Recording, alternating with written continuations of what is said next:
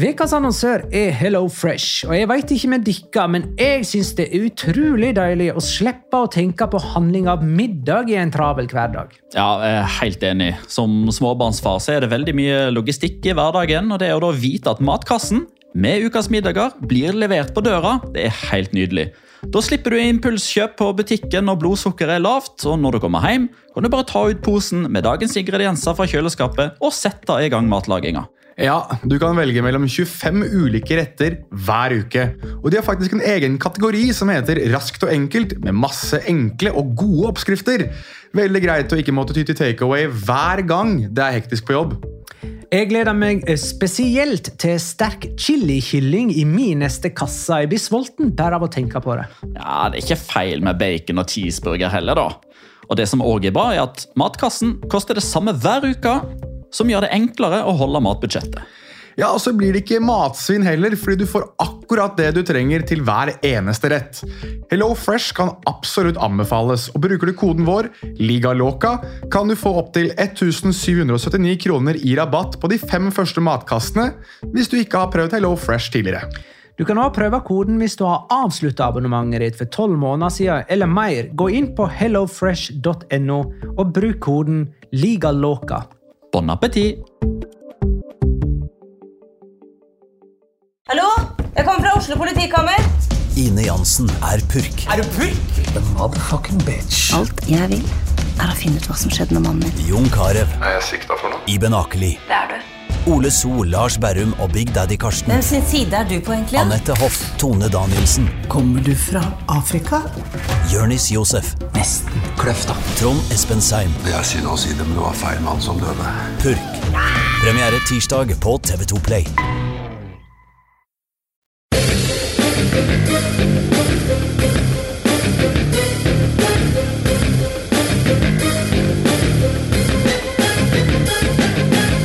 Har du sett? En ny premieresesong er ferdig, og ting vi har sett før, er at Madrid, Barca og Atletico blir topp tre. Ting vi ikke har sett før, er at Benzema er toppskårer. Og ting vi ikke får se i premieren neste sesong, er sånn som Levante, Alaves, Kylian Mbappé og Granada. La liga loca.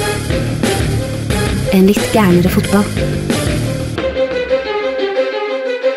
Ja, ja, ja. Dette er La Liga Loca episode 209 av det ordinære slaget med Petter Wæland, hei. Hei, hei. Jonas Giæver, hei. Shalom of home. Og Magnar Kvalvik, hei. Assalam alaikum, Magnar. Hei, Magnar. Hei, alle i Oslo sentrum i eh, Moderne Medias studio. Eh, Og godt til det.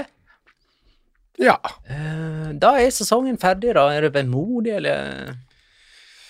Ja, egentlig så er jeg litt sånn eh, På en måte litt vemodig, og på en annen måte så er det litt digg å være ferdig òg. Ja. når det liksom ting begynner å Når det har satt seg litt, og du begynner å Altså, du vet mesteparten av lagene som har rykket ned. Det var kanskje en av de tingene som var spennende. Jeg er ikke sånn som Petter, som er like sånn superhype på hvem er det som skal få Conference League! Det er, der er ikke helt jeg. Uh, så jeg er litt sånn hvem, hva du sa veldig høyt? Du... Hvem er det som får Conference League? Oh, ja, ja. Jeg vet ikke om du syns, det, du syns sikkert det er så lite interessant at uh, det går inn under uh, Hva blir det for noe? Obligatoriske kjøpsklausuler, og Conference League er litt uh. Conference League har vel egentlig vært litt sjarmerende denne sesongen, da. Ja, Siden Bodø-Glimt var nå der. Ja. så vi kan jo håpe på noe sånt neste sesong, men utover det så er ikke det sånn kjempespennende, nei. Nei, Jeg må innrømme det. Syns det er dritkjedelig. Kanskje hadde det vært litt greiere med sesongavslutning nå dersom det var VM faktisk i sommer, Som det egentlig skulle vært. i et land vi kunne på en måte akseptere arrangert. Ja, det er jo et lite mini-VM som skal spilles nå i begynnelsen av juni. da. Det skal jo spilles eh, jeg tror det er 7000 landskamper jeg, i løpet av eh, 11-12 dager i juni der. Er det to eh, Nations League-kamper, eller? Eh, Fire. I juni? Mm. Nei, det er fire stykker, ikke sant? Nei, men da har vi jo litt å glede oss til. Skal Ja. ikke Norge møte Sverige? Jeg er Hellas, jeg, da. Koser meg. Ja, i juni. Mm. Skal det spilles noe i juli? Er er jeg potensielt på Kypros? Mm, Ja, da skal vel du følge med på fotball-EM for kvinner, regner jeg med? Da Har vi snakka oss litt vekk eh, i smalltalken? Eh, Skal vi runde av der, Da eller? skal vi kanskje runde av med det at eh, Barcelona, som er et spansk lag, altså deres kvinnelag, tapte Champions League-finalen mot Lyon. Så har vi tatt det med. At man får liksom ikke en repeat champion. Og gratulerer til Ada Hegerberg. Ja. Ehm, jeg går ikke den nærmere etter i sømmen, eller? Gjør du det? Ja, altså, jeg vet ikke. Jeg så han. Ja, jeg så den, jeg òg. Ja. For så vidt. Eh, nei, overraska. Jeg holdt Barcelona som store favoritter. Men så vet jeg jo at Lyon er jo Lyon, da. Ja, Ada Hegerberg. Det er jo eh, damesidas eh, Real Madrid i Champions League-sammenheng, og enda sterkere, til og med. Er, det, er Barcelona da kvinnesidens Liverpool? Med tanke på at de er store favoritter, imponert stort, sust over masse lag. Vant jo ikke ligaen da, riktignok, men eh, er det litt likt? Nei, jeg, jeg, jeg, landa heller på at Lyon er liksom turneringens eh, Real Madrid. Og så er det vanskelig å si hvem, som, eh, hvem Barcelona representerer sånn på herresida. Kanskje litt bedre utgave av det Barcelona burde ha vært da, på herresida. Eh, nei, men det er greit. Jeg tror vi går på kamp eh, Kamp nå. Runde 38, kamp for kamp. Nå har vi hatt nok eh, innledende prat. Eh, ja, nei, jeg, jeg tar dette kronologisk. Det er jo eh, litt sånn at uh, spenningen kom litt her og der, uh, men vi får nå nesten bønna med fredag kveld og tar det sånn som det faktisk skjedde. Real Madrid, Real Betis 0-0. Ligamester mot cupmester. Den kampen, uh, eller den ja, Før avspark får vi si det var en oppvisning i hvordan man står æresvakt, eh, der de bytta på nettopp eh, det. Først sto Real Madrid æresvakt for Betis, og så stilte Betis opp for Real Madrid-spillerne. Der har vel Atletico Madrid kanskje noe å lære. Jeg vet ikke om de så nøye etter. Ja Kjenner jeg Atletico Madrid rett, så har vel de heller lært hvordan det skal gjøres, og så er det Real Madrid og Real Betis som gjør ting feil. Ja, sånn kan det jo for så vidt òg sees. Um, det er Jeg nevnte at det endte 0-0, sant? Mm -hmm. uh, og det er altså tredje gang på rad at disse to lagene spiller 0-0 på Real Madrids hjemmebane når de møtes. Eh, Ja, du falt ikke i fella. Jeg så det var ganske mange på Twitter som falt i fella og skrev tre sesonger på rad på Santiago Bernabeu, Ja, men det stemmer jo ikke. nei. Men Magnar er på. Magnar er på. kommenterte vel en av dem på Valdebebas, tenker jeg. Eh, Gjorde du det? Gjorde du det? ja, nå måtte jeg tenke meg om. Det er ikke sikkert jeg gjorde. Men jeg kommenterte i alle fall flere Real Madrid-kamper på Valdebebas, for å si det sånn. Så det er ikke så lett å glemme for meg. Ja, ja, du gjorde kanskje det, da? Men det føles lenge siden. Ja, det føles Hæ? Jeg kommenterte jo en hel sesong der de spilte på Valdebebas. Husker du- Husker du vi snakket, du spurte innledningsvis om Er det vemodig at sesongen er over, eller er man litt glad? Jeg tror ikke jeg har hatt samme feelinga hver sesongslutt, så da har jeg på en måte lagt vekk den sesongen. Så da, men du har jo gjort det. Du har helt rett. Jeg husker bare at da du snakket om doggystyle og Sabal, ja, det er det jeg syns er mest morsomt fremdeles fra kommenteringa det. Og det var feil mann som fikk eh, andre gule for Hercules. Ja, det er nå tilbake i 2009. Jo da, men eh, gode minner var, sitter i. Var ikke i koronatiden, for å si det sånn. Nei, det var det ikke. Det var Eh, med SARS-tida, det. ja, Ebola. så SARS, eh, altså, eh, som jo òg er et koronavirus. Ja. Eh, Bare at den gangen så kalte vi det SARS. For vi er gamle, ass. Nå uh, fortsetter jeg med Real Madrid, Real Betis, som altså endte 0-0. Uh, det betyr at Real Betis har holdt nullen fem ganger på rad, borte mot Real Madrid. Yes. Eh, Benzema er toppskårer i Real Madrid, eller i- i La Liga for første gang, med sine 27 mål. Hvem var toppskårer i La Liga de siste fem sesongene? Lionel Messi. Riktig. Eh, Real Madrid enda til slutt 13 poeng framfor lag nummer to på tabellen, som er Barcelona. Riktig. Betis på sin side, de ble nummer fem. Eh, Joaquin spilte sin 600. premierekamp. Det gjorde han. Mm. Burde blitt matchvinner. Var, kan vi bare få sagt det? Det her var en sesongoppkjøringskamp. Altså. Her skulle applauderes og spillere som skulle av og på, applauderes Ja. og hylles og Jo, jo, jo, men, men la Og Manuel ta Pellegrini der. ja. Knapp for mye på den skjorta hans. Altså. Det, var, det var tyrkisk nattklubbeier-vibes på deilige Pellegrini. Jo, men altså, altså Marcelo kom jo inn for å ta farvel. Isco kom inn for å ta farvel. Gareth Bale kom inn Nei, glem det. Gareth Bale gikk på golfbanen og tok farvel der, sikkert. Uh, Christian Teio spilte jo sin siste kamp for, uh, for Real Betis. Stakkars Joel Robles, da, som ikke fikk lov til å komme inn. Aslak Ringhus har skrevet til oss på Patrion. Eh, hvor hen vil de rangere Marcelo på lista over verdige avslutninger på Real Madrid-karrieren? Med tanke på at alle kapteiner og de fleste største profiler dette årtusenet har flytta på seg etter å ha råket uklar med Florentino Perez. Sjøl så klarer Aslak bare å komme på Siso og Dodek av spillere som har lagt opp i klubben siden 2000. Jeg tenkte at det skulle jeg, gjøre oss en liten typ tjeneste og liksom å legge lista ved eh, typ de spillerne som har spilt flere kamper enn Marcelo. da. Eh, altså det vil si 11, og se om vi finner liksom, no, fikk noen av de en større hyllest. Men hvis vi legger lista på Dodek og antall kamper han spilte, da blir det ekstraepisode, for å si det sånn. Ja, gjør det. Vi kan jo prøve å gå gjennom de du har der, da. Ja, nei, så Det er jo Raúl. Nei. Eh, ikke Casillas. Nei. Sergio Altså Ramos. nei, som at han ikke fikk en verdigere Ja, ja, avslutning. ja. på Raúl fikk jo ikke det. Nei. Ikke Casillas fikk jo ikke det. Nei. Vi husker jo bildene da han satt gråtende på, eh, sin. på en pult, eh, bortimot. Ja. Eh, altså, helt ærlig, Santiana Manolo Sanchez, Paco Rento disse her, husker ikke hvordan de ble Paco Rento husker jeg da han døde, da. Det var jo, Der stoppet jo klubben opp eh, litt. Ja, ja, men og- det, men det jeg gjør det jo når alle Jo, jo, men for så vidt altså, Han tydeligvis en høy standing, da. Ja, ja, han var jo ærespresident. Ja. Eh, Fernando Hierro Du hoppet over igjen.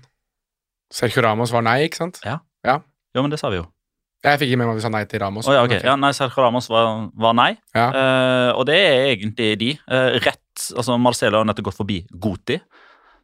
Jeg husker heller ikke at det var noe sånn grandiost. Fernando Hierro er jo også et nei, Mm. egentlig. Han var, jo, han var jo den som holdt på å si kranglet med ledelsen grunnet Galactico-signeringene. Han likte jo ikke det. Han syntes det ble for mye PR, og at man glemte at man også skulle spille fotball. Cristiano Ronaldo er jo lenger nede på lista. Han fikk jo heller ikke noe sånn ordentlig farvel, fordi Nei. det ble jo klart etter at sesongen var ferdig. Ja. Så ja, Marcelo er helt der oppe med Mhm. tanke på å få en fortjent avskjed. Ellers, den store snakkisen etter denne kampen er jo om Kylian Mbappé.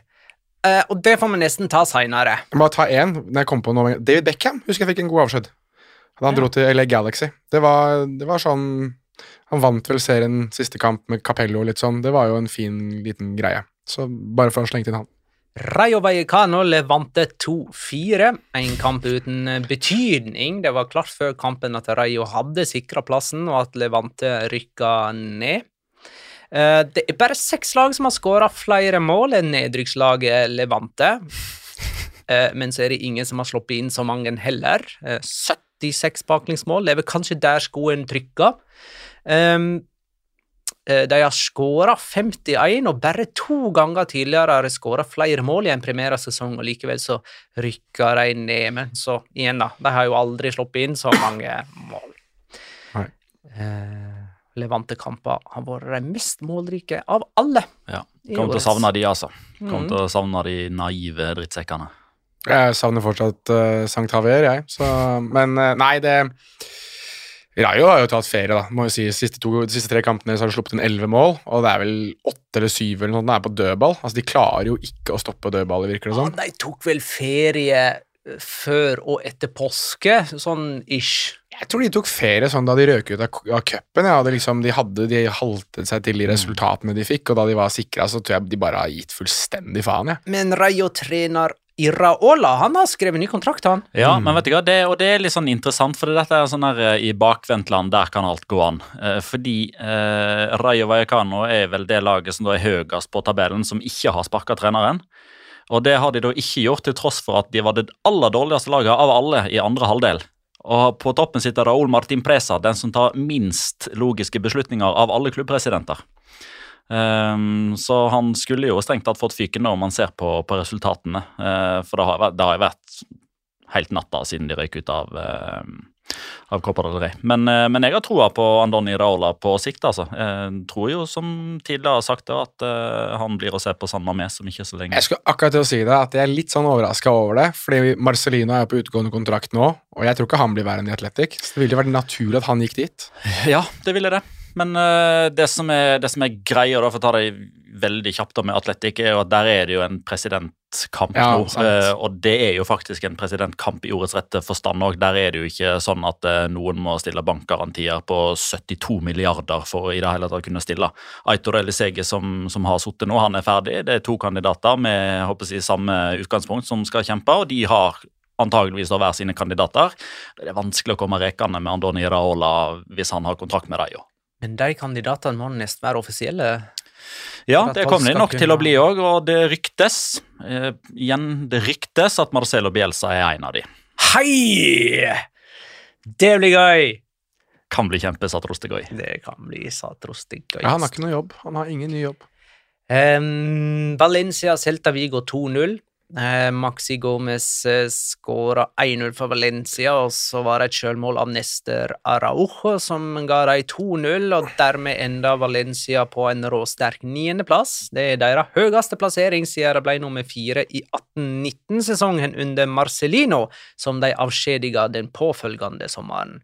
Eh, her så det ut til å være vesentlig flere folk utafor Mestalla enn inne på Mestalla mens kampen pågikk.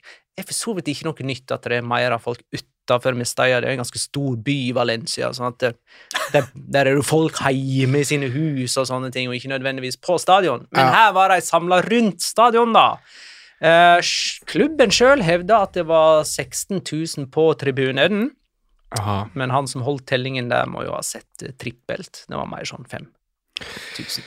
Ja, det, altså det bildet som eh, altså Det må ha vært en drone eller et kamera som er veldig høyt oppe, der du ser at kampen spilles inne på Mestaya, og du ser supporterne i gata. Det kommer til å bli ikonisk, tror jeg. Det bildet der. Det der hvor du Av at supporterne rett og slett Hvis de får til en endring. så Hvis de får til en endring, men, men, det, men det kan fort være at det bildet her og det, den happeningen her er Mm. en sånn pendelsvinger, da, som gjør at folk faktisk legger mer merke til dette. Men det føles fornyttes?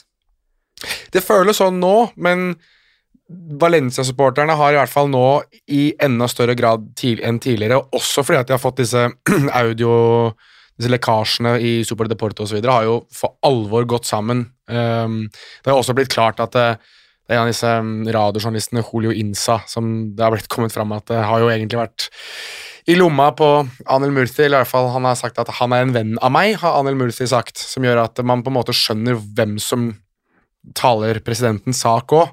Um, så nå er det jo en samlet front mot eierskapet i Valencia, og det er jo Jeg sier ikke at det er nytteløst, men jeg sier i hvert fall det du, kan ikke stå sterkere enn det du gjør akkurat nå for å få en endring, og så spørs det jo om de klarer å presse Petter Lim ut, da.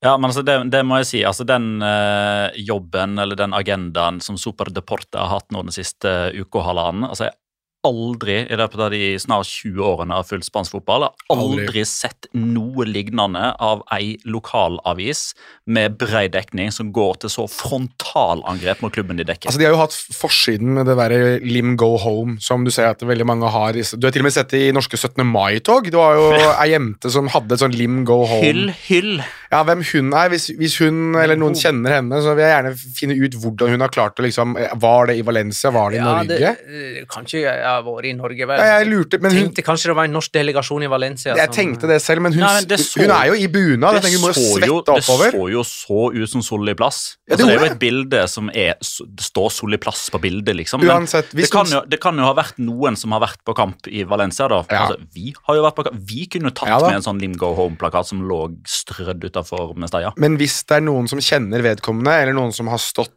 til ansvar for at det her har skjedd, si gjerne ifra. Det, er, det, Ja, hadde gi vært- det hadde vært gøy å vite, faktisk. Men ja, enig med Petter for å ta det. Altså det Super Deporte har gått knallhardt ut nå, og det er, altså det er en samlet Kanskje med unntak av denne radiokanalen, så er det en samlet presse. Supporterne står samla, det ser man jo med at ikke de er på kampene. Om at nå er det nok. Nå er altså linja i sanden er dratt, og hvis ikke de får, hvis ikke de får det til nå, så får de aldri det til.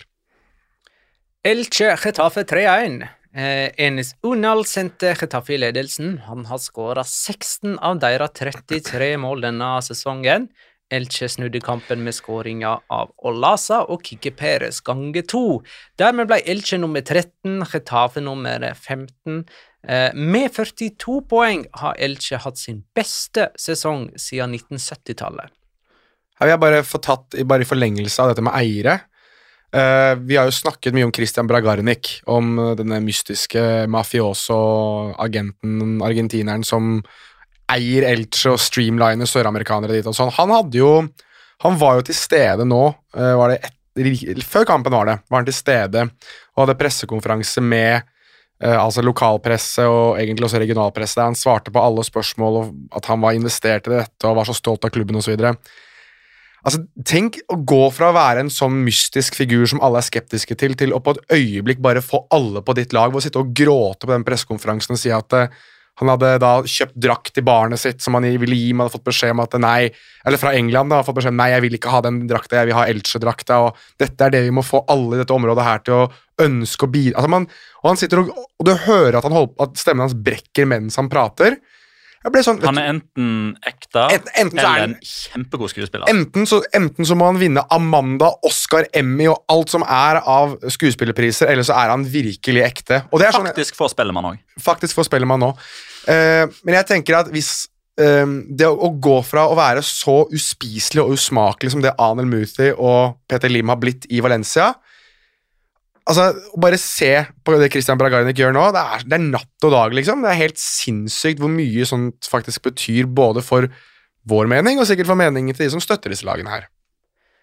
Nå har vi kommet til søndag ettermiddag, og da det skulle avgjøres Åh. i Bottenstriden. Det sto altså mellom Mallorca, Cádiz og Granada om den siste nedrykksplassen.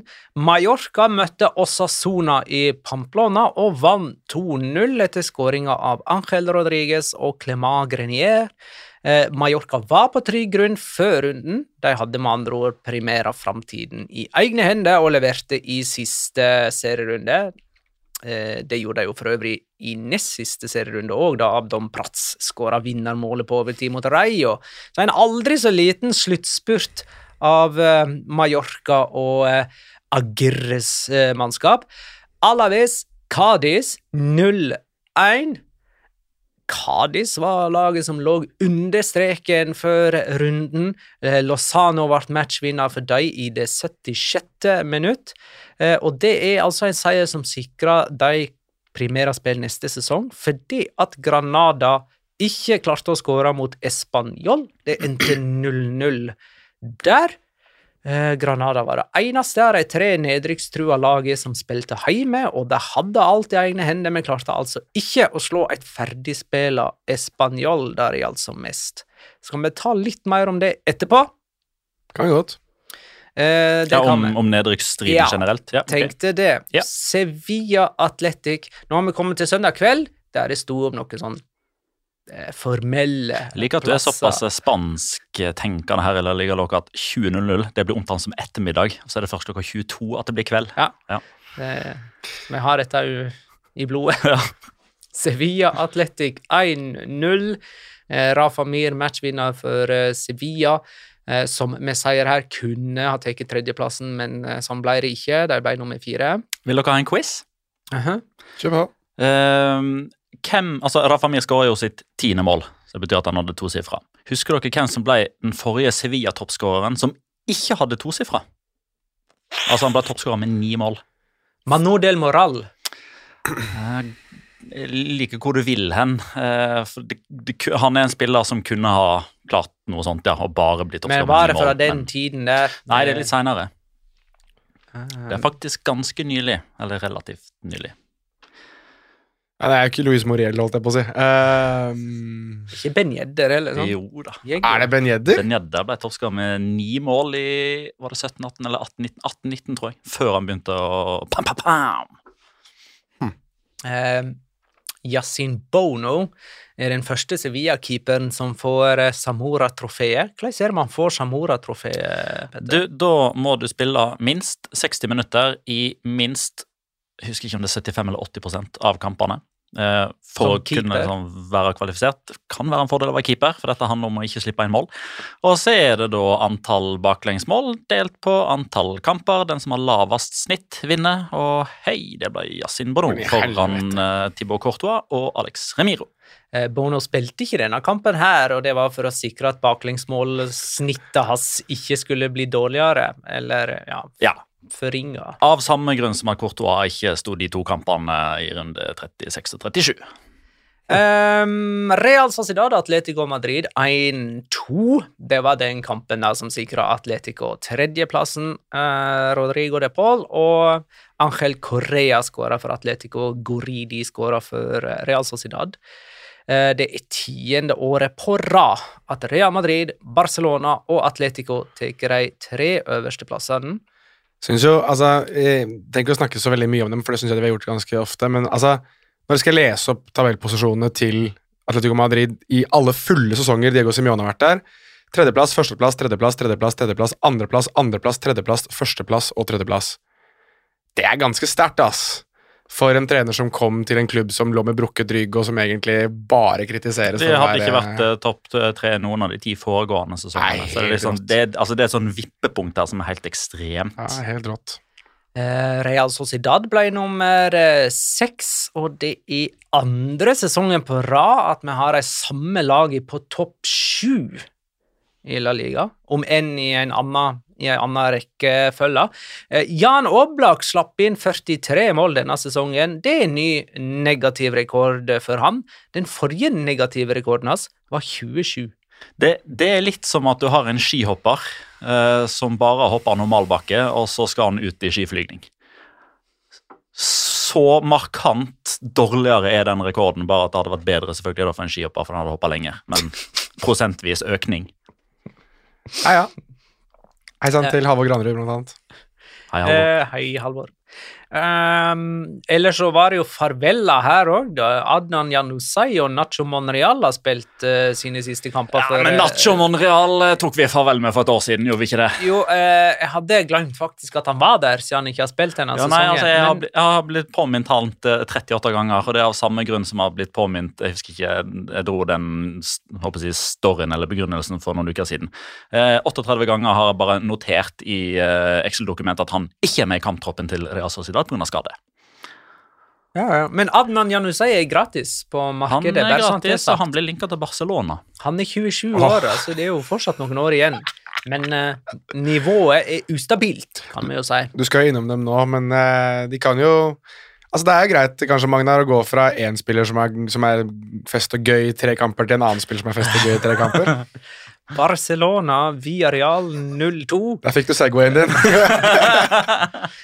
Eh, det var Alfonso Pedraza og Moi Gomez som skåra for Villarreal, som dermed blir det første spanske laget i Conference League, eller Serieligaen som han heter på NRK.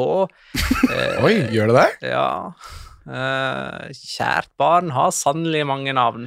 Moi Moi ut i Europa. Moi, moi. Husker dere hvem som skåra for Villarreal forrige gang de vant på kamp nå? Eh, Maina eh, Forland. Nei. Bruno eh, Soriano. Nei, Men, Men- det var i 2008. det var i 2008, ja. Helt riktig. Ok, Hva er det jeg har glemt da, da? Giuseppe Rossi. Eh, Du må ta eh, makkeren til ditt tips, og du må ta konkurrenten til ditt tips. Jeg har sagt to spillere, Bruno Soriano og Giuseppe Rossi. Eh, Ja, men han første. Makkeren til Bruno Makkeren til Bruno Soriano. Senna. Marcos Ja, Senna. ja. Hæ? Å ja, ok. Ja, for nå begynte jeg å gå gjennom spisser oppi hodet, for det ga mer mening at det har vært en spiss som spilte ved siden av Giuseppe Rossi. Jeg tenkte først Ja. at det var han eh, Nilmar, tenkte jeg at det var Ja, kanskje. nei, vi begynner å komme Altså, det er riktig posisjon. Det er en spiss. Men den kampen kommenterte jeg. eh. det, det gjorde det. Så hvorfor husker du ikke ja, dette? det var litt skammelig, det. Det var det. Ja, ja. Eh, vi har eh, møtt på han eh, i en, eh, på en fotballstadion. Hvem da? Han som ble matchvinner. Åh, vi har møtt på han som ble matchvinner. Ja, På vei ut og ned av en stadion. I parken. Jon. Jon Dahl Thomassen? JDT. Jon Dahl Thomassen. Eh, Thomassen, vel? Jon Sånn? Dahl tror Vet du hva, han er Sånn. For jeg, har- jeg har tenkt på det samme. Han er jo dansk og heter sånn, og det syns jeg er så rart. Jon Dahl forvirrende, Thomasson altså. og Eidor Gudjonsen. Det, Ja. De må bytte. Ja. Du har eh, Robin Olsson Robin Olsen for så vidt også, som står i mål for Sverige. Som fikk knyttneve i trynet i helga. Eh, Animo. Vi er på Barcelona via Real. Ja, beklager. Mm. Eh, og eh, vi har jo for så vidt vært inne på det da, at forrige Villarreal-seier mot Barcelona var i 2008. Altså det er 14 år siden. Villarreal hadde 27 strake kamper uten seier mot Barcelona, og Unai Emery hadde 13 strak på kamp, strake tap på kamp nå. Eh, så det er nok en saftig rekke som ble brutt her. Eh, Barcelona enda med fem heimetap i La Liga denne sesongen. Og de nytter ikke kjøpsopsjonen de har på Adama Traore, som dermed er ferdig etter fem måneder i klubben. Altså, den, der, den predictionen din der, Magnar, den er så jævlig Ja, det, altså, det, det er sesongens prediction. Ja, det altså, er det. det er så rett i uh, smørøyet. ja, det var så på prikken tre uker det var moro med han òg, liksom. Ja, det var det. Det var det, faen så bra det der var. Det, jeg, det er hyll, hyll, ass. Ja, ja, man treffer i ny og ne. Vi kan ta et lytterspørsmål fra Nusret Sernja. Litt usikker på om jeg uttalte det riktig, men eh, her kommer spørsmålet. Trenger Barcelona egentlig Lewandowski? Som ivrig Barcelona-fan tror jeg personlig at det ikke er så viktig. Det er viktigere å ha Pedri og Fati friske. Eh, ja, altså, for å si det sånn, da. Eh, hvis, eh, hvis jeg hadde vært Barcelona-supporter og fikk velge én av to A. Hent Lewandowski eller B. Få frisk Fati og Pedri, så hadde jeg valgt B. Eh, altså uten å mukke. Eh, men ja takk, begge deler, tenker nå jeg. Se hva Benzema gir Real Madrid. Eh, altså, Barcelona har en toppskårer i La Liga denne sesongen, Memphis Depay, som har skåra tolv mål. Du må tilbake igjen til kan det være 04-05 eller 05-06 for å finne forrige gang de ikke hadde den, eh, eller de hadde et, et så lavt antall skåringer på toppskåreren sin, og det var Ronaldinho. Kan jeg komme med en quiz, jeg? Mm. Skal jeg lese opp noen tall her. 42, 43, 41, 40, 55, 48, 50. Hva leste jeg opp nå? Antall skåringer for Lewandowski i løpet av en sesong? Siden 2015-2016-sesongen. Riktig. Mm. Mm. Ja, så eh, Bare- Jeg ville hatt den, liksom. Men Jeg, eh, jeg bare legger ved. Det, det, er, eh, det er faktisk da, skal vi se Hendig vedlegg der, altså. Én, 1, 2, 3, 4, 5, 6, 7 sesonger på rad med 40 mål eller mer totalt. Ja. I alle Nei, det- det, det er klart Barcelona trenger det, men selvfølgelig, det kommer jo altså det, De må jo igjen da passe på at det ikke eh, smaker mer enn det koster, holdt jeg på å si. Altså, De kan ikke hente han eh, hvis det betyr at eh, økonomien igjen blir skakkjørt. Koster mer enn det smaker av dere, altså. Ja. Så det omvendt. Uh, No pen intended. Jeg vet det. eh, da kan vi Men Oli, Oli Hønes har vel sagt noe om det? Å ja, ja, han Ole Oli Hønes sier eh, Vi snakket jo om det, det er kanskje greit å ta med våre lyttere inn i vår, vårt kjappe redaksjonsmøte. Jeg humret godt over at eh, begrepet for det å være bankrott på spansk er bancarota. Eh, For det høres jo ut som en sånn tulleord du kan finne på mens du er i Spania, men det er faktisk det. Eh, Han sier jo da at han skjønner ikke hvordan Barcelona kan eh, i det hele tatt eh, prøve å signere Lewandowski, fordi de per definisjon, da med tanke på at de har ja, eh, 1,3 milliarder euro i eh, Eller de hadde 1,3 milliarder, milliarder euro i gjeld for seks måneder siden, og at de da i Tyskland ville ha vært bankarota, altså bankrott. Han skjønner ikke hvordan det er mulig med tanke på lønnen som Lewandowski da vil diktere. Eller Mm. kreve. flere klubber og presidenter som eh, stusser over spillerlønninger i eh, rivaliserende klubber om dagen. Og ligaer for så vidt òg. Eh, vi kan ta Vi kommer til det, Ja. men først eh, vi tar litt eh, drama fra nedrykksstriden, Ja, tenker jeg. og her vil jeg ta én ting først, for det er ikke sikkert alle er på Twitter. Ok. Kampen starta 20.00. Eh, skal du holde hemmelig hvilken kamp det var Nei, eh, du snakka om? de det tre kjem- nedrykkskampene. Oi, de tre? Ja, Eh, som- 20.00 starta de. Ja. Jonas Giæver, Det er meg. Som uh, titt og ofte, kanskje med rette, hevder sjøl at han er en god menneskekjenner, ringer til meg oh ja, du skal inn på det her, ja. klokka 20.42 Mm. og spør Hei, du er vel ikke så opptatt du nå? Det var altså tre minutter før pause. Ja. Det var 0-0, 0-0, 0-0. ja. Det skjedde men, ikke en Men vet du ikke, det, det shit. argumentet er det dårligste jeg har hørt. Hvis det derimot hadde vært Alaves Cádiz 5-0 Mallorca, eh, Sona-Mallorca, 0-5, Granada Espanol 5-0 Da hadde jeg ikke hatt noe å gjøre, for da hadde det vært klar hvem som rykka ned. Det er tre kamper der det ikke har skjedd en damn shit. Det er feil. Det var tverrleggertreff, det var var-situasjoner, det var gule kort. Alt skal inn i Excel, vet du. Alt skal inn i Excel. Ja, jeg- Det kommer tre kamper 22-0-0. Lineupsene var på vei inn. Smakk, smakk, smakk. Du kan ikke ringe meg da! Bare påpeke det at Jeg har sett Petter Wæland sitte og skrive disse tingene her på et tog, så jeg regnet med at dette var noe som kunne gjøres i, uh, altså etter at man hadde fått tatt inn alle kampene. Og i de kampene jeg satt og så på, så skjedde det ingenting. Men bare Av sånn for verdi. å eh, gjenopprette forholdet mellom dere to Har, Nei, vi har slåss før vi starta her. Fikk dere løst dette under telefonsamtalen? Var det en viktig telefon? Ja, jeg vil hevde at det var semiviktig. Ja. Ringte Ring deg tilbake igjen etterpå, da.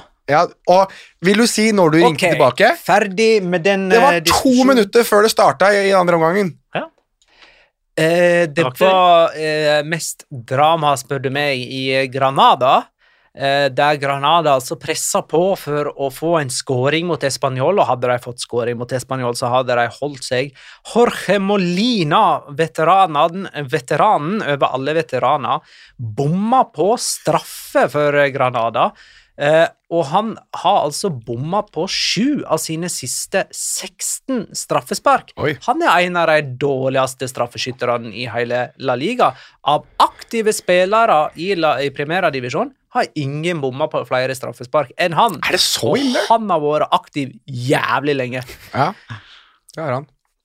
Han er født på tørt brød og melk. Ehm, altså, Peremia var eh, var vel ute det oppgjøret her, så det var vel han som vanligvis hadde vært Louis Mia. Louis Mia, herregud, Ja. Peremia spiller Elche.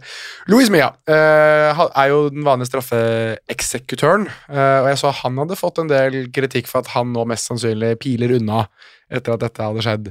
Og det er litt sånn rart, for han er vel Pil unna. at han, altså han blir jo solgt, at han ber om å få dra fra klubben. Eh, jeg syns jo det er veldig gøy, fordi han var vel var han suspendert, skada. Altså. han starta kampen, men gikk skada Ja. gråtende av banen i første omgang. Det, ikke sant? Og det var liksom supportere var sånn ja, nei, Han hadde ikke pint seg gjennom, eller altså, nå kommer han til å være førstemann som forlater skipet, han som kunne reddet oss. Jeg synes det er eh, Spania i et nøtteskall. Det at eh, han får skyld fordi at han ikke da jeg holdt på å si, kuttet av seg beinet og jumpet rundt på ett bein for å kunne ta dette straffesparket. Og det som vel òg skjedde på Los Carmenes, var at de fikk beskjed om at Alaves hadde fått straffe mot Cádiz. Mhm. Eh, og, og da, på stillingen 1-0 til Cádiz, vel, så hvis Alaves hadde utligna der, så ville jo Granada vært på trygg grunn igjen, plutselig. Men så kom jo kontrabeskjeden da om at uh, videodommer hadde hatt et ord med i laget, og den Alaves-straffen mot Cádiz ble aldri noe ting av. Og det der minner meg jo nesten litt om det som skjedde på Anfield, da, for å gå til et annet land. Der en eller annen klarte å spre rykte på tribunen om at Aston Villa hadde utligna til 3-3 mot Manchester City, så publikum eh, hoppa og, og, og trodde et øyeblikk der at Liverpool lå an til å bli seriemester. Eh, og eh, Michael Cox skrev på Twitter at det der er jo selvfølgelig en kjempekjip eh, ting å gjøre, men i disse VAR-tider så er det nesten bare til å bli vant til det, for disse meldingene om straffe her og der og skåringer der, de kan jo bli omgjort i løpet av fem minutter. Det kommer med et lite forbehold. Gjør Det det. gjør det. Kan jeg komme med det mest spanske som skjer gjerne i sånne nedrykkskamper? Altså med tanke på filming fra producer osv. Du, de finner alltid, og det er fordi det er jo haugevis av dem på tribunen, men du finner alltid noen som ser kampen med ørepropper i øra og telefonen oppe og hører Ja, ja. på sendingene fra Det er, det er, Det så, er så spansk. spansk, det. Jo, men det var jo en til og med med eh, antenneradio. Var det det? Det så jeg ikke. Det er sykt. Det er Var han sykt. 72 eller 73 år gammel? Jeg tror han kan ha vært sånn i 40-åra. ja. Yes. Ja, men jeg synes det er Hvor du ser liksom alle sammen liksom står og, og, og crowder rundt denne ene personen som står med radio, bare for å høre om det er noe som har skjedd. Og han står liksom sånn og, Han ser ut som han driver med VAR selv, for han står liksom og presser disse høretelefonene mot øret for å høre på hva som skjer. Det er så spansk, og det er så herlig. Eh, Men fortell litt om Granada eh, med og uten Martinez som trener, da. Ja, du hadde Da er vi på. Diego Martinez, sant? Ja, Diego Martinez, eh, treneren som var Granada-trener, og som faktisk fikk litt spalteplass i Norge i og med at Granada møtte Molde i Europa League for to sesonger siden. Ehm, altså, Forrige gang, da, Granada, altså forrige Granada-etappe, uh, da sa de jo takk for seg med uh, jeg håper å si, Når de gikk fra Paco Remes, uh, som er den mest eksentriske hat og spille uavgjort, eh, 0-0 kan du hive rett i peisen-mentalitet, via stein gamle og apropos tørt brød og vann og melk. Lucas Alcaraz til, tå, til å øh, til slutt bare Nei, hva skal vi prøve nå? Skal vi prøve Tony Adams, eller? Så inn på tørt brød og melk. Ja. Eh, Og Det endte jo selvfølgelig da rett ned i Segunda. Eh, Den første sesongen i Segunda da, så hadde de fire forskjellige trenere ble nummer ti. Og så kom Diego Martinez inn, opp på første forsøk. Syvendeplass i eh, debutsesongen i La Liga og niendeplass forrige sesong, og da kvartfinale i Europa League mot eh, Røyk ut mot Manchester United. Og så kom Robert Moreno inn, og det er her Jonas tar over.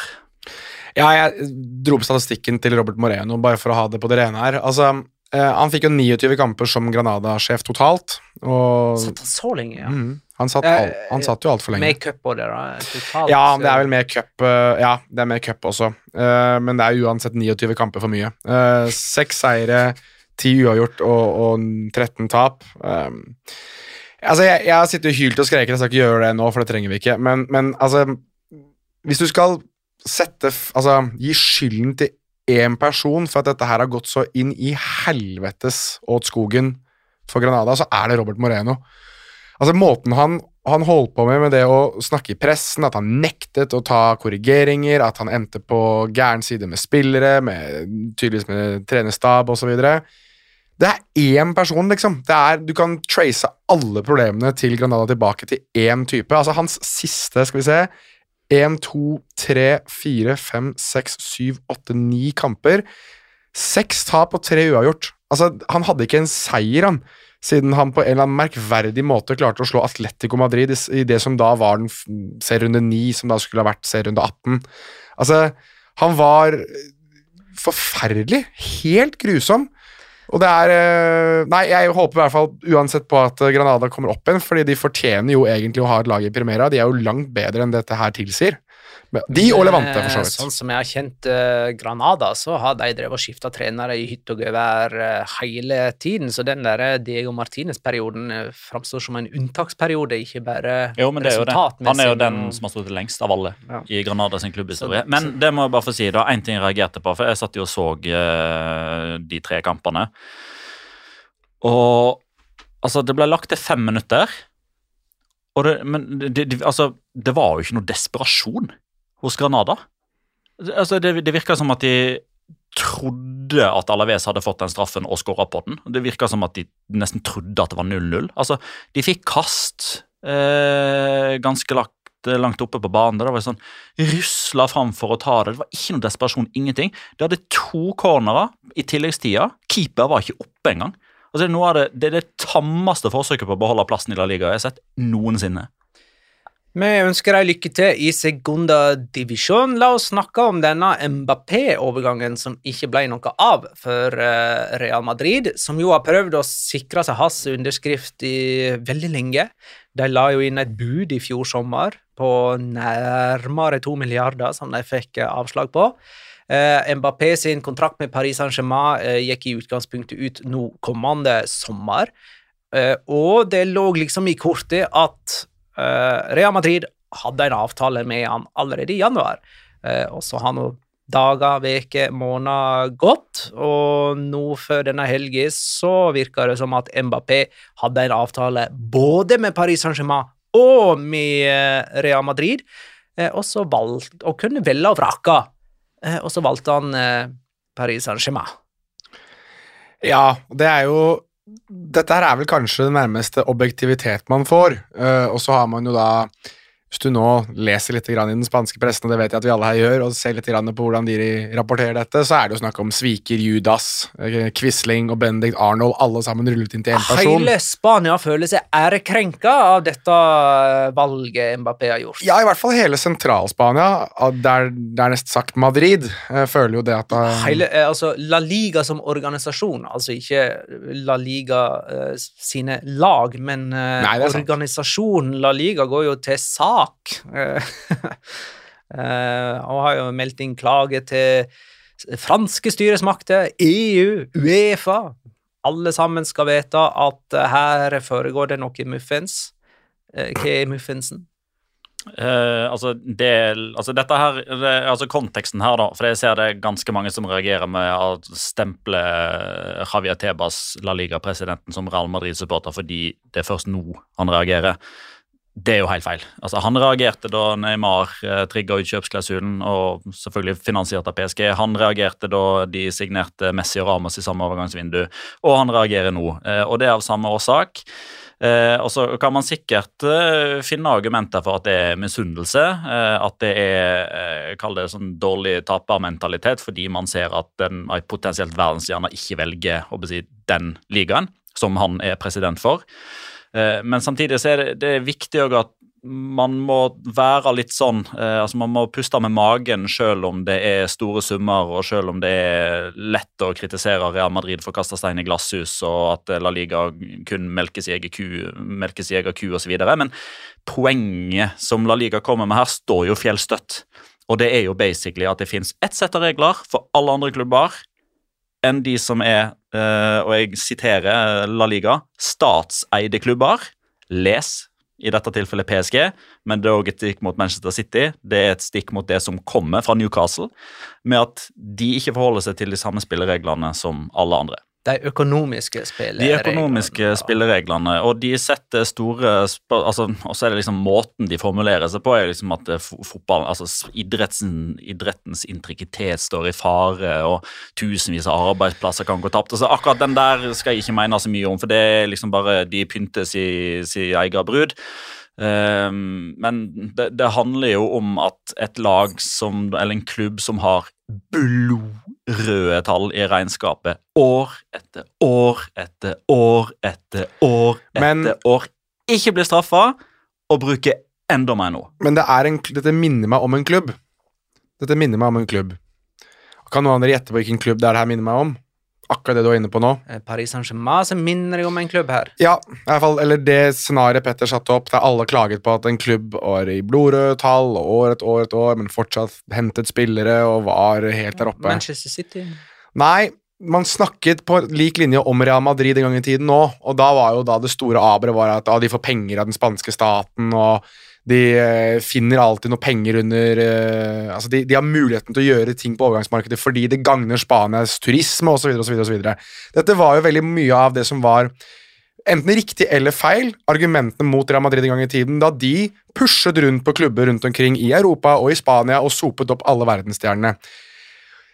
Det er jo litt annerledes enn det vi er inne på nå, for at Real Madrid har aldri vært statseid. De har aldri hatt et overhode for en stat eller for et fond som har sittet og egentlig hentet inn penger. De er jo en av de få klubb, klubbene som er igjen som er medlemsstyrt. Ja, Magne? Så var ikke financial fair play et uttrykk eller en ting. Det er helt riktig, og der er, jo, der er kanskje den store forskjellen. Men Real Madrid klager jo på veldig mye av det de ble kritisert for selv en gang i tiden. Og det synes jeg er litt fascinerende, fordi at Real Madrid, det, det Real Madrid gjorde, var ikke sunt for fotballen da, mener jeg. Og det PSG og City og Newcastle, som er på vei nå, gjør også, er på ingen måte sunt, det heller. Men det er liksom det er, altså Engelsk begrep ville vært superimposed. altså Det er blitt enda større nå fordi at det er Real Madrid, som har vært den store stygge ulven, eller som har vært bølla på, um, i skolegården, har jo nå møtt sin egen bølle.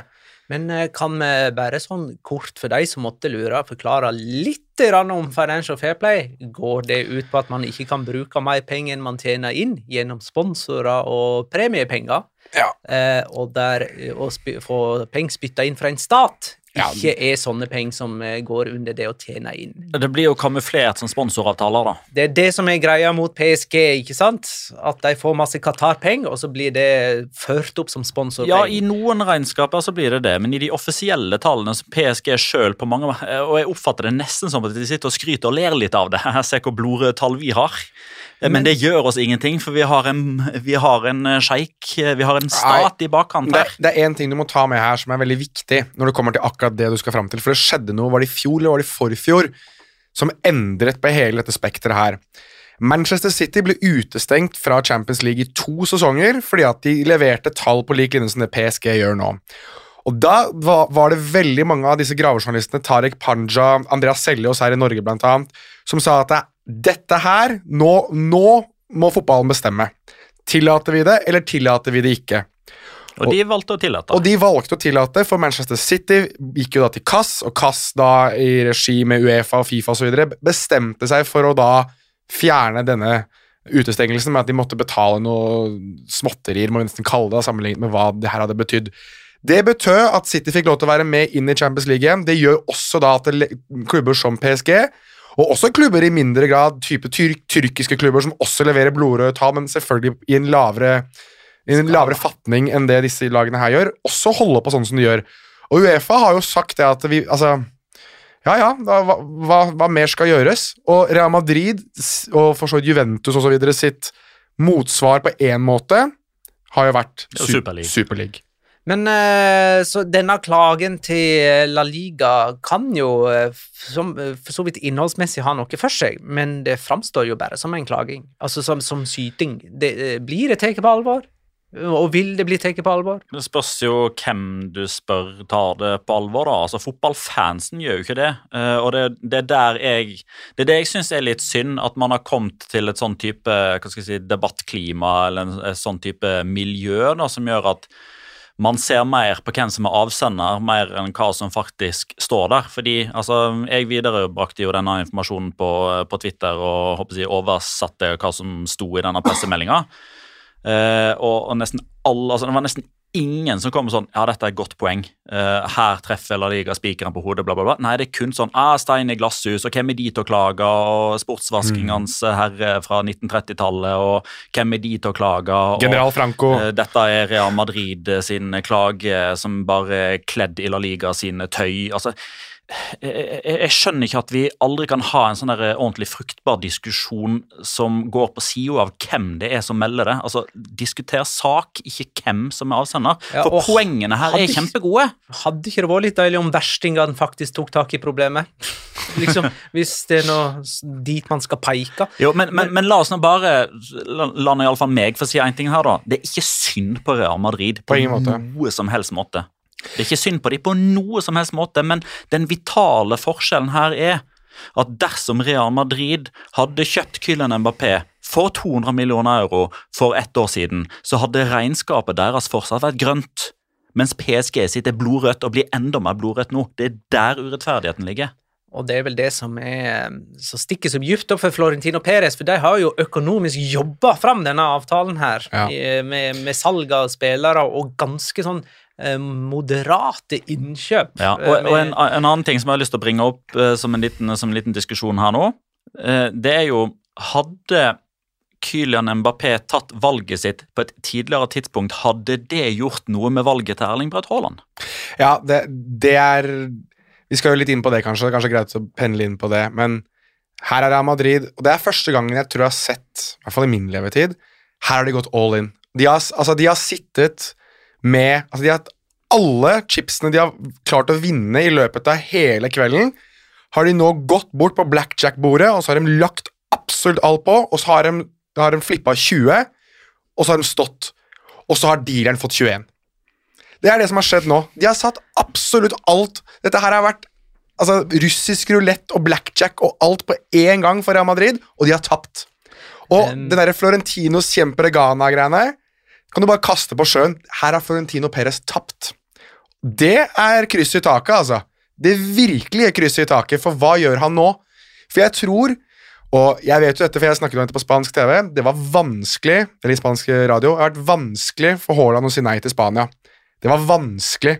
Altså, det var, det var vanskelig å liksom si nei til det som kom derfra, men at, det, men at City ga mening med tanke på situasjonen. Situasjonen er annerledes nå.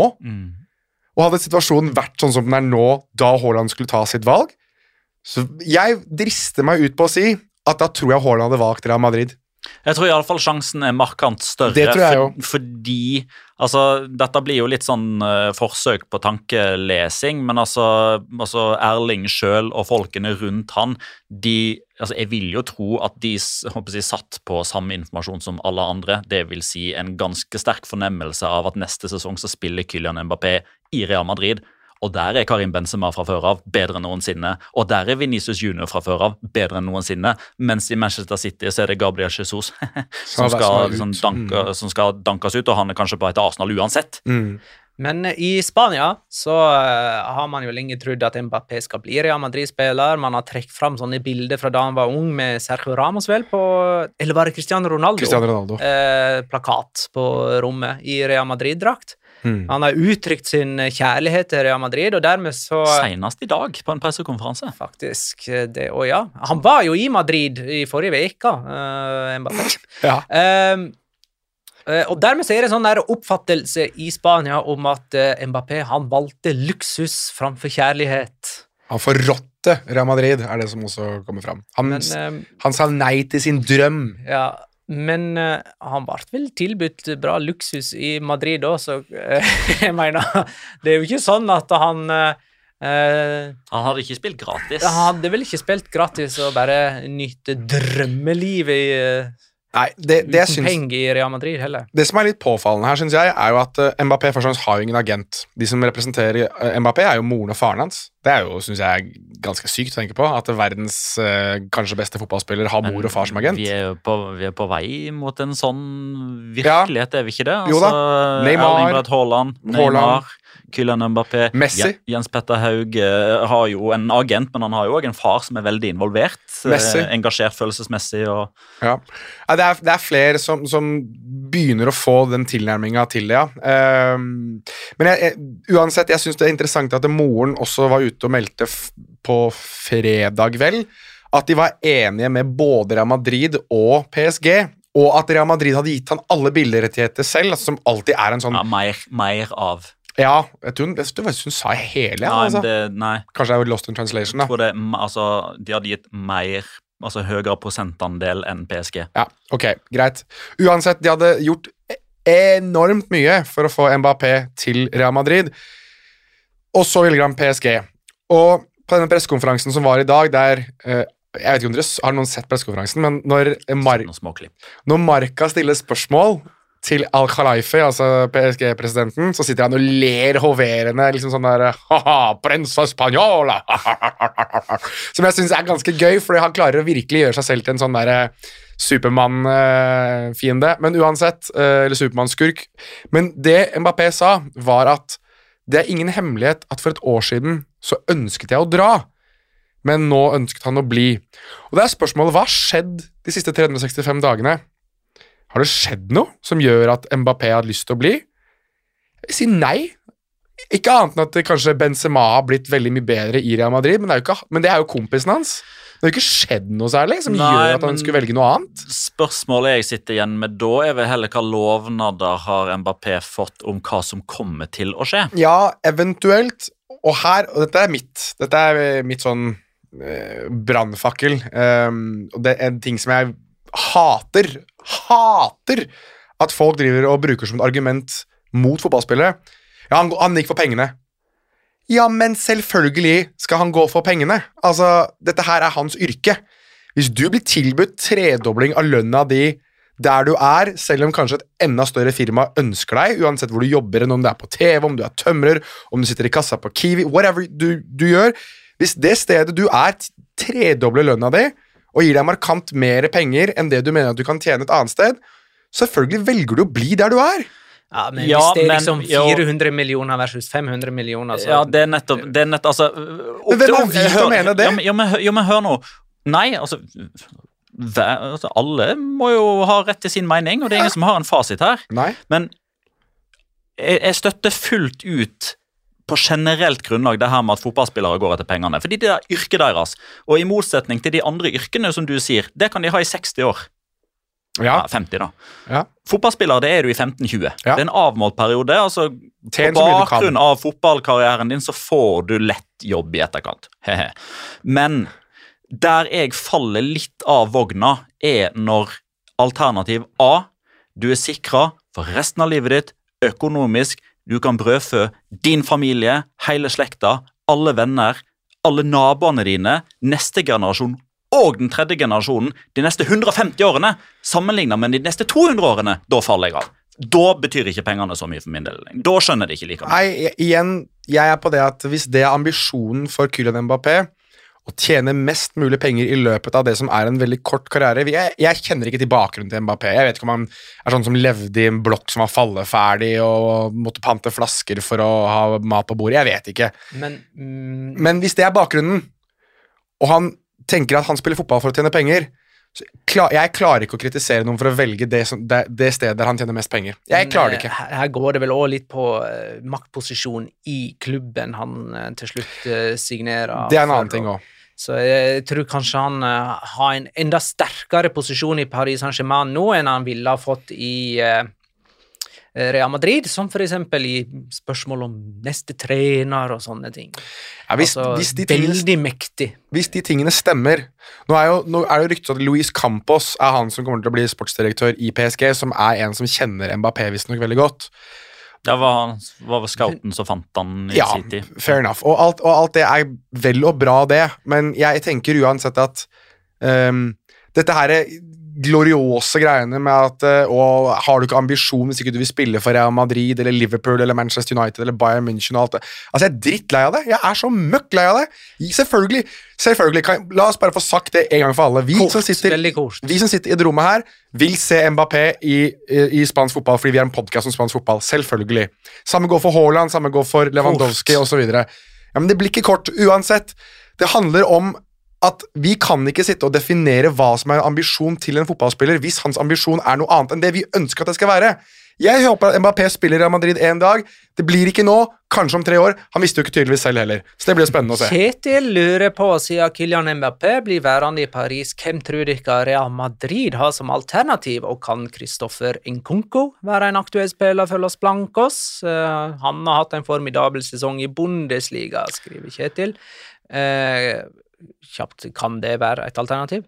Det kan jeg helt sikkert, men jeg støtter meg på Jonas sin teori om at her har de gått all in på Mbappé. De hadde ikke, altså Plan B kanskje Haaland, hvis uh, Mbappé hadde gitt beskjed før. Uh, hvis de fortsatt hadde vært med i kampen om Haaland, så kunne de kanskje ha kvessa klørne litt grann mer og hatt enda et mer sånn sportslig argument for at her er det faktisk plass til deg, Erling. Plan C? Nei, det tror jeg ikke de har. Men at, at de sitter og drodler på det nå, det, det tror jeg åpenbart. Selv om de første rapportene kommer nå, er at eh, de kommer til altså Benzema varer, Vinicius varer. Sjekk hvor god Rodrigo egentlig har vært denne våren. Ascencio Asensio Men- skåra ti mål. Akkurat den kanten der, Rodrigo Ascencio, Edna er skal jo, bli født på ny. det er jo akillesen i angrepet, kan du si.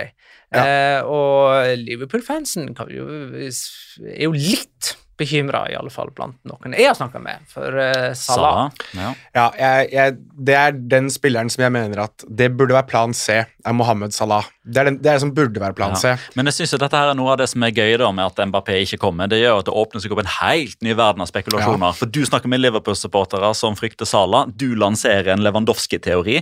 Jeg fikk en tekstmelding fra Håvard Leon Skjold natt til søndag. Han var dypt nede i flaska, men han hadde en magefølelse på at i august Messi signerer for Real Madrid. Altså, Sånne teorier hadde vi ikke, altså sånne sjuke ting hadde vi ikke hørt om Mbappé bare hadde signert noe. Ja, ok, greit, det var den sagaen. Avslutta 22. mai. Ja, jeg, jeg, to, bare for å ta, svare veldig kjapt på det. Jeg, jeg sitter med en feeling på at nå må Real Madrid gjøre noe. De må gjøre et eller annet. Og jeg tror det de gjør, er at de blir litt for desperate. Altså at de kjøper Lewandowski fra Bayern. Og så tror jeg at Edinson Cavani går til Barcelona. Da har vi en teori som jeg kanskje burde ha skrevet ned, men det gidder jeg ikke. Vi må kåre Ja, men rundens tror du meg, den plukker han opp igjen hvis det skjer. Ja, hvis Det det, skjer, ja. Men hvis det ikke skjer, så skal jeg plukke det graver han djupt ned. Ja. Du, Jeg sitter og gravde hvor mange ganger du har klart denne Adama Traoré-greia nå de siste syv episodene, så jeg er god på å huske teorier som går og ikke går. Jo, men vi er jo gode til å huske teorier som faktisk går Ja, jo, jo. internt i eh, studio. Ja. Eh, vi må ikke glemme at det ble spilt en runde nummer 38, og at vi må kåre en rundspiller. Jeg tror nummer tre er Pettersen. Ja, eh, og dette er en litt sånn ny variant, eh, fordi eh, Ivan Alejo eh, han spiller jo for Cádiz. Eh, han spilte null minutter denne runden, eh, men eh, jeg måtte bare få med allikevel. Fordi det handler jo om å, eh, å å si, ja, være den beste utgaven av seg sjøl. pushe lagkamerater og være en ressurs i gruppa sjøl om du ikke kan bidra ute på banen. Ivan Alejo han var jo selvfølgelig med til Vitoria. Det var jo hele Cádiz-stallen, bortsett fra stakkars Carlos Acapo, som nettopp hadde operert foten pga. Eden Hazard. Um, så han satte på tribunen på Vitoria, og han var en av de som hadde AirPods i øra, og som Og eh, antenneradio. og antenneradio tror jeg faktisk ikke han fikk tak i. Uh, hadde kampen blitt spilt på hjemmebane, så hadde han kanskje tatt den med. Eh, men han sitter jo da og hører på en eller annen radiostasjon og får jo med seg dette at eh, Granada har fått straffe. Å nei, å nei, nå har Granada fått straffe. Men Jorge Molina bommer. Og han skriker jo dette ut til lagkameratene sine, sånn de hører det. Altså, kom igjen, kom igjen, dette er mulig, dette er mulig. Hvis vi, holder, hvis vi, hvis vi vinner denne kampen nå, så holder vi oss oppe hvis resultatene blir sånn og sånn. Eh, og så rett etterpå så skårer jo Choco Eh, og da sitter ikke Ivan Alejo på tribunen lenger, eh, for da er han ute på gresset. Han løper faktisk ut på banen han og blir med i feiringa. Um, og så er jo kampen ferdig, de har trygga plassen og alt er bare velstand. Uh, de skal selvfølgelig ha intervju med Choco Lozano. Hvem er det som kupper det intervjuet og går inn og gir henne bamseklem og skriker inn i kamera? Det er Ivan Alejo. Han er ikke ferdig, eh, for de skal jo fly hjem. Eh, altså, Vitoria er jo eh, ganske langt nord. Cádiz er helt sør-vest, så det er jo en flytur. I løpet av den flyturen så tar jo han da rollen som, som fotballkommentator, så han skal da gjenskape øyeblikket. Sånn her hørtes det ut på radioen da du skåra Chocolosano, og så kjører han på det med goal, goal, goal, goal, goal, goal, og tar fullstendig av. Han var ikke ferdig da heller, fordi Kadis de lander jo da eh, på flyplassen utenfor eh, Kadis. Eh, jeg lurer på om de lander 02.46, ifølge Flight Radar. er det noen som har lagt ut. Så litt over klokka tre så er jo Kadis sentrum tjåka full av folk. eh, Eller full av eh, folk.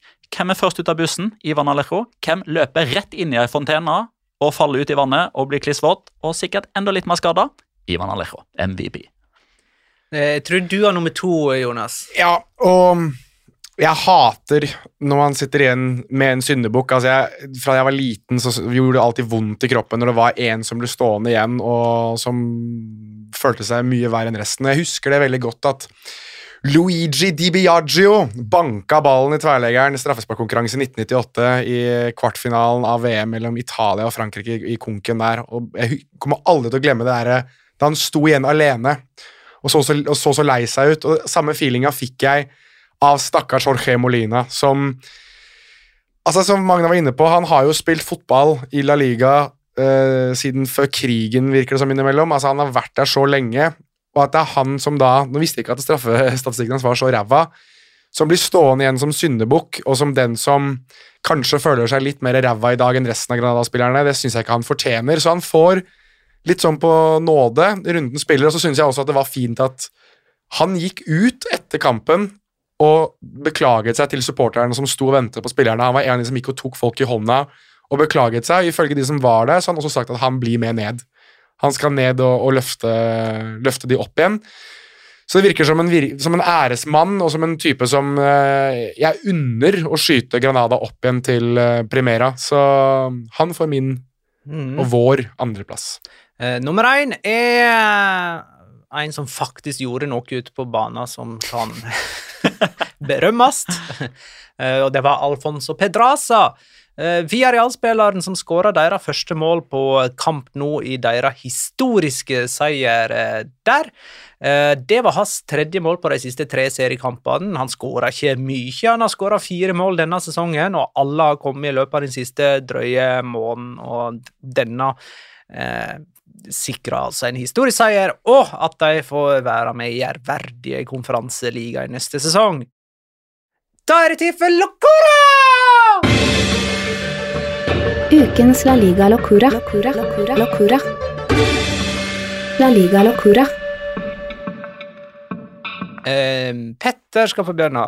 Ja, eh, jeg stjeler den faktisk fra Mr. Chip. Jeg, Eh, jeg har jo tvitra den òg, men jeg syns den er såpass eh, gøy og egentlig litt sånn oppsiktsvekkende at eh, jeg må ta den her òg.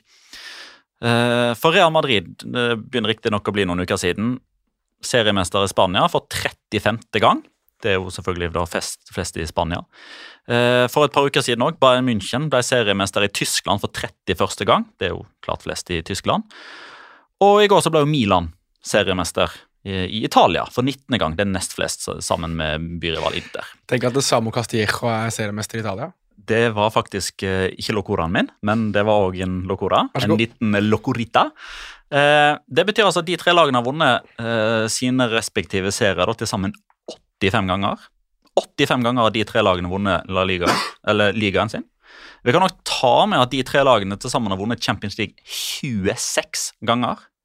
Men 2021, 2022 er første gang de tre vinner samtidig. Det syns jeg er ganske sjukt. Det er ganske oppsiktsvekkende, faktisk.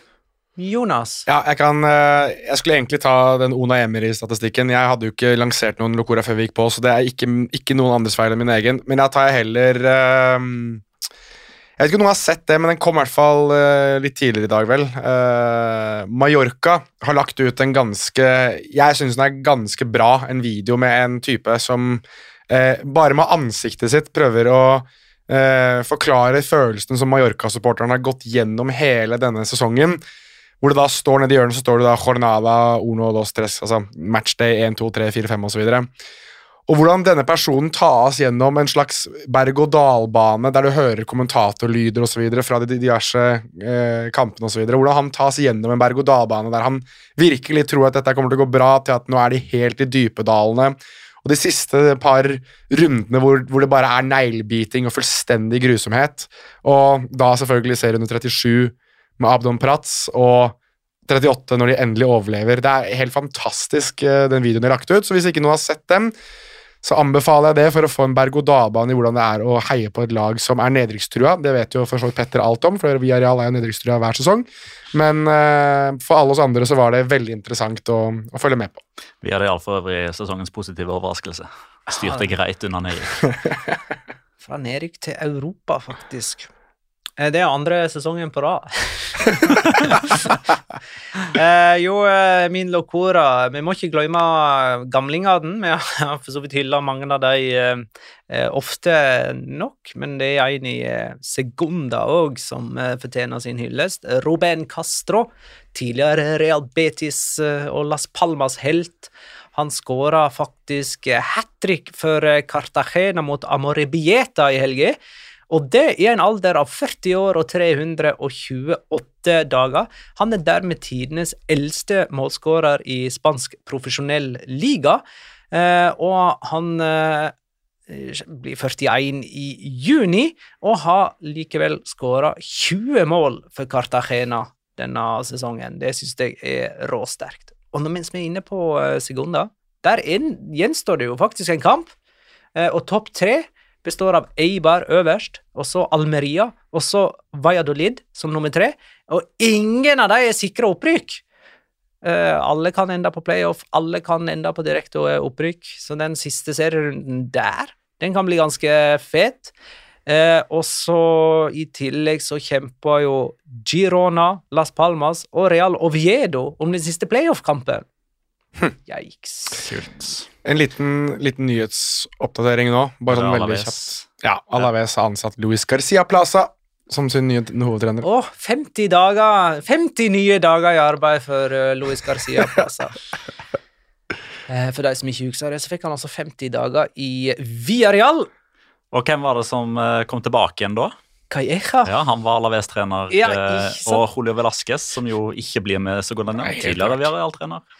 Eh, vi tippa jo i forrige episode Kan jeg bare få si en liten ting? I og med at du nevnte Ruben Castro, Mhm. og du har den Jorge Molina, og jeg har Joaquin Sanchez. Ja. Hva har de til felles? De er haugamle alle Det er 40 alle sammen. Alle har spiller, alle spiller for Real Betis og er like gamle som Alexander Schou. Er Alexander Schou så ung? Ja I våre øyne, sier han det. Nei, han er Neida, Ale Alexander Schou er 47, men han ser ut som han er 41. Han òg. Yes. eh, la oss tro vi smisker på oss enda flere lyttere. Eh, med- I hvert fall lov til å spille inn episoder hos fotball-TV nå snart. ja. Forrige kamp vi tippa på, var Valencia mot Celta Vigo, som endte 2-0 med Maxi Gomez som første målskårer. Jeg hadde 1-2 med Iago Aspas som første målskårer. Jeg får null poeng. Jonas hadde 0-0. eh, det er null poeng. Og Petter hadde 0-2 Iago Aspas. Det gir òg null poeng. Eh, Til sammen har jeg da 32. Eh, Jonas har 25, og Petter har 21. Gratulerer, Magna. Jo, takk. Jeg har vunnet. Gratulerer, Jonas. Jonas Takk. er nummer to. eh, Petter er nummer tre. Men Men skulle vi ha eh, gitt Petter en ny sjanse med Champions League-finalen, eller?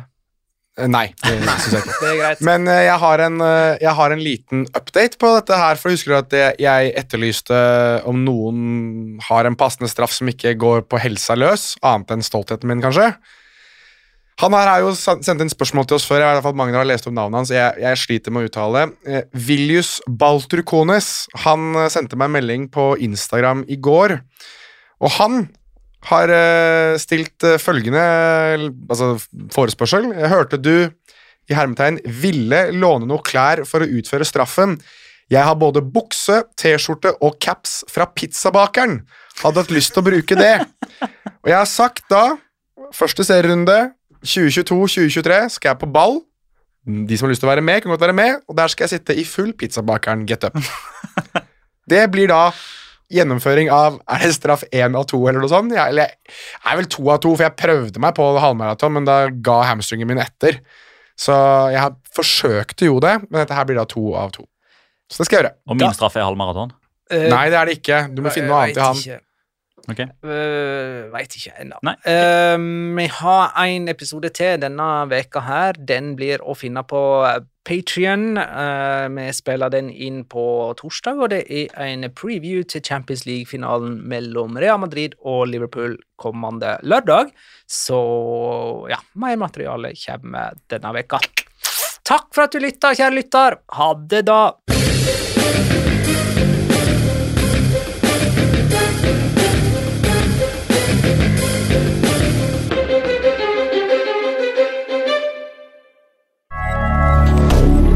Moderne media.